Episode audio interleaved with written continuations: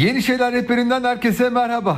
Bir haftanın e, böyle artık sonuna gelmişken sizlerle bir araya geldik efendim. Yeni şeyleri konuşacağız. Değişik şeyleri konuşacağız. Konuşulmayan şeyleri konuşacağız. Bugün biraz öfkeliyiz. Hayır şaka yapıyorum. Her zaman öfkeliyiz. Bu öfkenin kökenlerini şimdi ilk önce sizlerle konuşmaya başlayacağız. Hattımızda çok değerli bir konuğumuz var. Uzman klinik psikolog Çağrı Akyol çevirir hattımızda. Merhabalar hocam.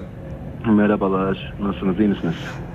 Çok teşekkür ederim hocam. İyiyiz valla işte sizin e, geçtiğimiz hafta yayınladığınız bir bültenin ben üstüne atladım. Gerçekten de bizi çok iyi anlatıyor. E, diyorsunuz ki Türkiye daha sonra bir araştırmanı e, yansıtmışsınız. Türkiye dünyanın en öfkeli ikinci ülkesiymiş. İki kişiden biri öfkeliymiş. Gerçekten siz de bunun e, doğruluğunu görüyor musunuz etrafınızda? Yani bunun aslında tabii ki de doğruluğunu e, görür haldeyiz. Profesyonel bir şekilde söylemek gerekirse e, ben çalıştığım hastanede iki sene psikoz servisinde, erkek servisinde çalıştım. Şimdi de amatem e, madde e, kullanım bozukluğu üzerine çalışıyorum. E, profesyonel bakış açısının yanı sıra yani e, insan olarak da dışarıya çıktığım zaman da artık bunu çok fazla e, görür hale geldik hepimiz. İşte ne bileyim bir alışveriş sırasında olsun, trafikte olsun eskisine nazaran çok daha tahammülsüzüz gerçekten. Eee çok daha öfkeliyiz. E, neden sonuç ilişkisi kuramadan insanlar sanki böyle bir e, saatli bomba gibi diyebiliriz aslında.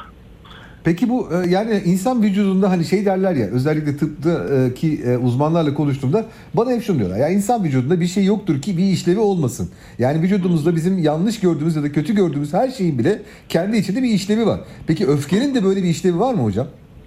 Ve tabii ki de öfke aslında çok çok değerli bir duygu. Yani e, yapılan çalışmalara baktığımız zaman şimdi insanın 22 tane yüz ifadesiyle yansıtabildiği duygu var. 16 tane evet. duyguyu ama en temel 6 tane duygumuz var işte nedir bunlar? Üzüntü, sevinç, neşe, mutluluk, tiksinti, küçümseme e, niceleri var. 6 tane temel duyguyu aslında biz e, yaşıyoruz ve ifade ediyoruz. E, bunlardan biri de e, öfke aslında. Öfke de e, çok değerli bir duygu. Neden değerli diyorum? Ee, yani negatif gibi gelse de kulağa aslında hani yıkıcı hale değil de yapıcı bir hale gelirse çok faydalı bir duygu. Ee, yani burada aslında duygu, düşünce, davranış şemaları üzerinden bakacak olursak e, evet. öfke bir dışa vurum. Yani bir düşüncenin dışa vurumu e, yıkıcı hale gelmesinden ziyade işte e, bir takım öfkeler belki bizi e, daha hırslı hale getirebilir. İşte e, belki bir şeylere daha çok kanalize olmamızı ya da bu içimizdeki öfkeyi belki e, biz buna psikiyatride süblimasyon deriz. Daha yaratıcı yaşam enerjimizi buna da e, adapte edecek şekilde e, kanalize edersek faydalı da oluyor tabii ki de. E, güzel bir duygudur. Kaygı gibi aslında bakarsanız. Yani e, kaygı da çok temel bir duygu. Nedir bu? İşte ilk insanın ilk insandan yola çıkmamız gerekirse mesela e, evet. mağarada yaşayan bir insan düşünelim. E, şimdi bu adamın kaygısı olmasa ne yapıyor? İlk bir mağarasından dışarıya çıkıyor. E, ne bileyim bir aslan görüyor. Hayatında daha önceden hiç görmediği bir canlı sesi var, evet. pençeleri var, gölgesini görüyor. Ne yapıyor? Hemen geriye kaçıyor. Değil mi? Ee, Önlem oluyor yani önlem alıyor kesinlikle. İkinci sefer bir daha deniyor. İşte gök gürültüsü bir yağmur sesi geliyor. Tekrardan e, ne yapıyor? Kaygılanıyor ve mağaraya gidiyor. E, burada şunu görüyoruz aslında. E, kaygı e, insanın hayatta kalmasını sağlayan bir duygu. E, şimdi evet. kaygıya nereden geldik demem gerekirse e, öfkenin altında yatan bir takım düşünceler her zaman olabiliyor ya da duygu olabiliyor. En başında söylediğim gibi öfke bir şeylerin dışa vurumu. Ama öfkelenmemize sebebiyet veren şey belki tahammülsüzlüğümüz, belki kaygımız. Ben bu öfkeyi biraz da şey gibi görüyorum. Hani herhangi bir stres altında, herhangi bir stresör faktör karşısında sanki böyle ben yumruk yemeden ilk yumruğu ben atayım mekanizması varmış gibi. Yani Ama bu bir deyimdir hocam. İlk yumruğu atar kazanır derler. Türkiye'de böyle bir şey var gerçekten yani. Kesinlikle çok haklısınız. Bitteyim. Yani tabii ki de e, öfkenin çok fazlası zaten ana temel e, ana şey budur yani psikiyatride baktığımız. Hayat kalitesini ne kadar düşürüyor, işlevselliği ne kadar bozuyor. Bu öfke miktarı e, ve e, miktarı ve yoğunluğu çok fazla arttığı zaman e ne yapıyor? Hayat kalitemizi bozuyor. Bu sefer artık buna hastalık diyebiliyoruz. İnsan ilişkilerimizi bozuyor. Gündelik işleyişimizi, mesleki hayatımızı, işte romantik ilişkilerimizi etkilemeye başladığı anda evet artık burada öfke dürtü kontrol problemi var diyebiliriz. Ama bunun altında gün içerisinde tabii ki hepimiz duygusal dalgalanmalar yaşayabiliriz, öfkelenebiliriz bir takım şeylere. Burada bizim baktığımız e, ne derece tepki verdiğimiz, ne yoğunlukta tepki verdiğimiz. Yani e, öfkeden şey gibi düşünün bunu. E, yakınan bir insan vardır. Hepimiz gün içerisinde yakınırız değil mi? Bir şeylerden, trafikten, ekonomiden, siyasetten, işte ne bileyim hava durumundan yakınırız, öfkeleniriz belki. Ama tüm gün yakınan bir insan düşündüğümüz zaman artık burada hani bir takım problemler var diyebiliyoruz. Çünkü farkında Doğru. olmadan kişinin algı ve muhakemesine e, yer yer değiştirmeye başlıyor. Yani bunun Doğru. e, psikiyatrik açıdan baktığımız zaman çok fazla öfkelenen birinde zaten e, nedir işte? E, mutluluk hormonunda azalmalar dediğimiz işte belki depresyona bağlı da bir e, maskeli depresyon da çok fazla e, göz önünde. Yani depresyon Hmm. eskisi gibi göstermiyor artık kendisine.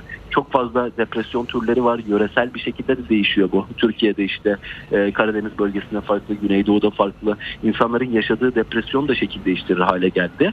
Ve bu e, orantısız öfkelenmelere baktığımız zaman altta yatan maskeli depresyonları da görebiliyoruz.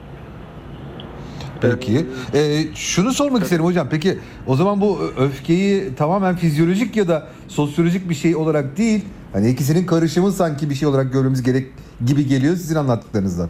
Tabii ki de tabii ki de. Burada sadece bir iki tane değil. Nedir burada? Sosyal çevre, gündelik hayatın dinamikleri, e, geçmişten gelen işte mikro makro belki büyüklü küçüklü travmalar diyebileceğimiz. e, çünkü travmatik bir etkiye bakacağımız zaman şöyle de görebiliriz. Hani kişi hayatında belki bir iki kez öfkeyle baş ettiyse bir takım duygularla artık onun işlevsel bir duygu olduğunu, işlevsel bir e, davranış olduğunu fark etmiştir. Ancak işlevsizdir. Yani e, kısa zaman zarfında karlı çıkıyormuş gibi gözükse de uza- uzun zaman zarfında kişide artık iyice işlevsizdir bu ve kişi bunu fark edemez.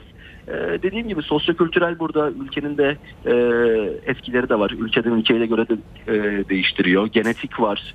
Birçok etken var aslında. E, Hocam peki şunu sormak isterim size. Bu öfkeyi sizin e, temellendirdiğiniz şey yani bu araştırma e, Gallup'un Global Emotions araştırması. Şimdi burada e, mesela e, bir- biz ikinci sıradayız. Birinci sırada Lübnan var. Şimdi Hı hı. bir ülkeler sıralaması ben de baktım ona. Ülkeler sıralamasında e, öfkenin sebep olduğu temel bir faktör bulamadım. Hani Orta Doğululuk mu, daha düşük gelir düzeyi mi, ekonominin kötüye gitmesi mi filan. E, o işin içinden çıkamadım. Siz baktığınızda ne görüyorsunuz burada? Yani çok haklısınız aslında baktığınız zaman. Çünkü hani e, ekonomik anlamda da e, şey e, tabii ki hani e, burada amacım siyaseti yapmak değil ama birçok ülkenin sosyokültürel işte seviyesi düşük, sosyoekonomik seviyesi düşük ama bizden çok daha böyle e, rahat olan işte e, çok daha keyifli, mutlu ya da en ufak şeylerle mutlu olabilen ne bileyim işte Küba, Kolombiya bir takım ülkelere baktığımız zaman, şehirlere baktığımız zaman Afrika, Güney Afrika burada bu kadar yokluğun içerisinde insanlarda bu kadar öfke olmadığını görüyoruz. E, o yüzden dediğiniz çok doğru. Hani böyle bir kıyaslama yapmamız gerekiyorsa bunun tek sebebi e, sosyo, e, sosyoekonomik seviye mi? E, işte bir takım siyasi stresörler, başka akışlar mı? E, dediğimiz zaman evet zorlanıyoruz aslında. Çünkü bizimle aynı konumda olan başka ülkeler de var.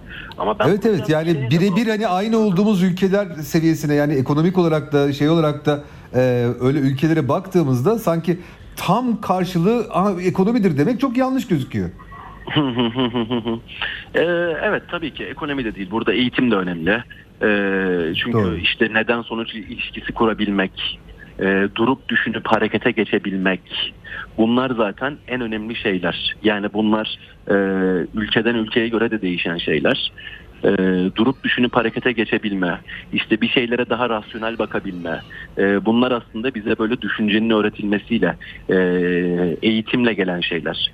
Ee, başka ülkelerde daha çok bunlar küçük yaşlarda aşılanıyor, düşünülme gibi şeyler. Ama bizim ülkemize Hmm. baktığımız zaman bunun şeyle de etkisi var tabii ki. Ee, iklimle de işte ne bileyim daha tez canlı bir halkımız var. Bunun tabii ki negatif yanları olduğu gibi pozitif yanları da var. Ne kadar güzel ki e, sıcakkanlı bir ülkeyiz.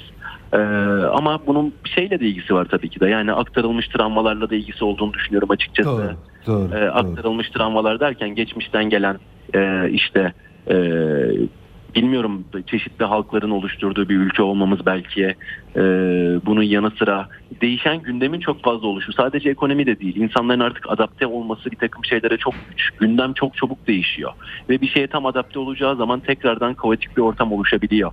Sadece ülke anlamında değil zaten hani bu birey anlamında bireyden topluma doğru dönüp de bakabiliriz. E, bunların hepsinin e, anlamı olduğunu ve hepsi kümülatif bir şekilde birleştiği zaman aslında böyle bir e, sonuç verebildiğini. Son yıllarda yapılmış olan bir çalışma zaten bu. E, o yüzden hani e, bu yapı yani bu çalışma tekrardan tekrarlansa nasıl bir sonuç verir onun üzerine bir şey diyemem ama e, gerçekçi de görüyorum açıkçası. E, bunu şeye bağlıyorum ben. E, işte sadece ekonomi değil tabii ki de birçok farklı unsura bağlıyorum.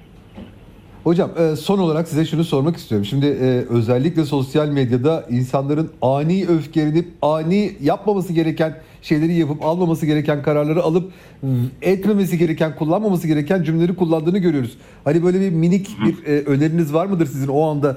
Derin nefes mi almamız lazım? Kafayı duvara mı vurmamız lazım? Onun içinden tam çıkamıyorum. Sizden böyle minik öneriler alabilir miyiz?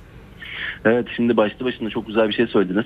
Yani aslında bu söylediğiniz şeyde insanlar sosyal medyada daha çok e, zorlanıyor olması da işin belki de hani şey tarafı e, sarkastik tarafı diyeyim. Neden? Çünkü hani insanlar yüz yüze bir stresörle baş başayken daha çok tetiklenmesi gerekirken değil mi?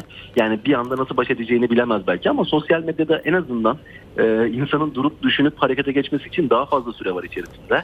Ama burada işte belki el alem ne der düşüncesi, baskı altında hissedişi ya da bir an önce yetersizlik duygusuyla baş edememesi belki.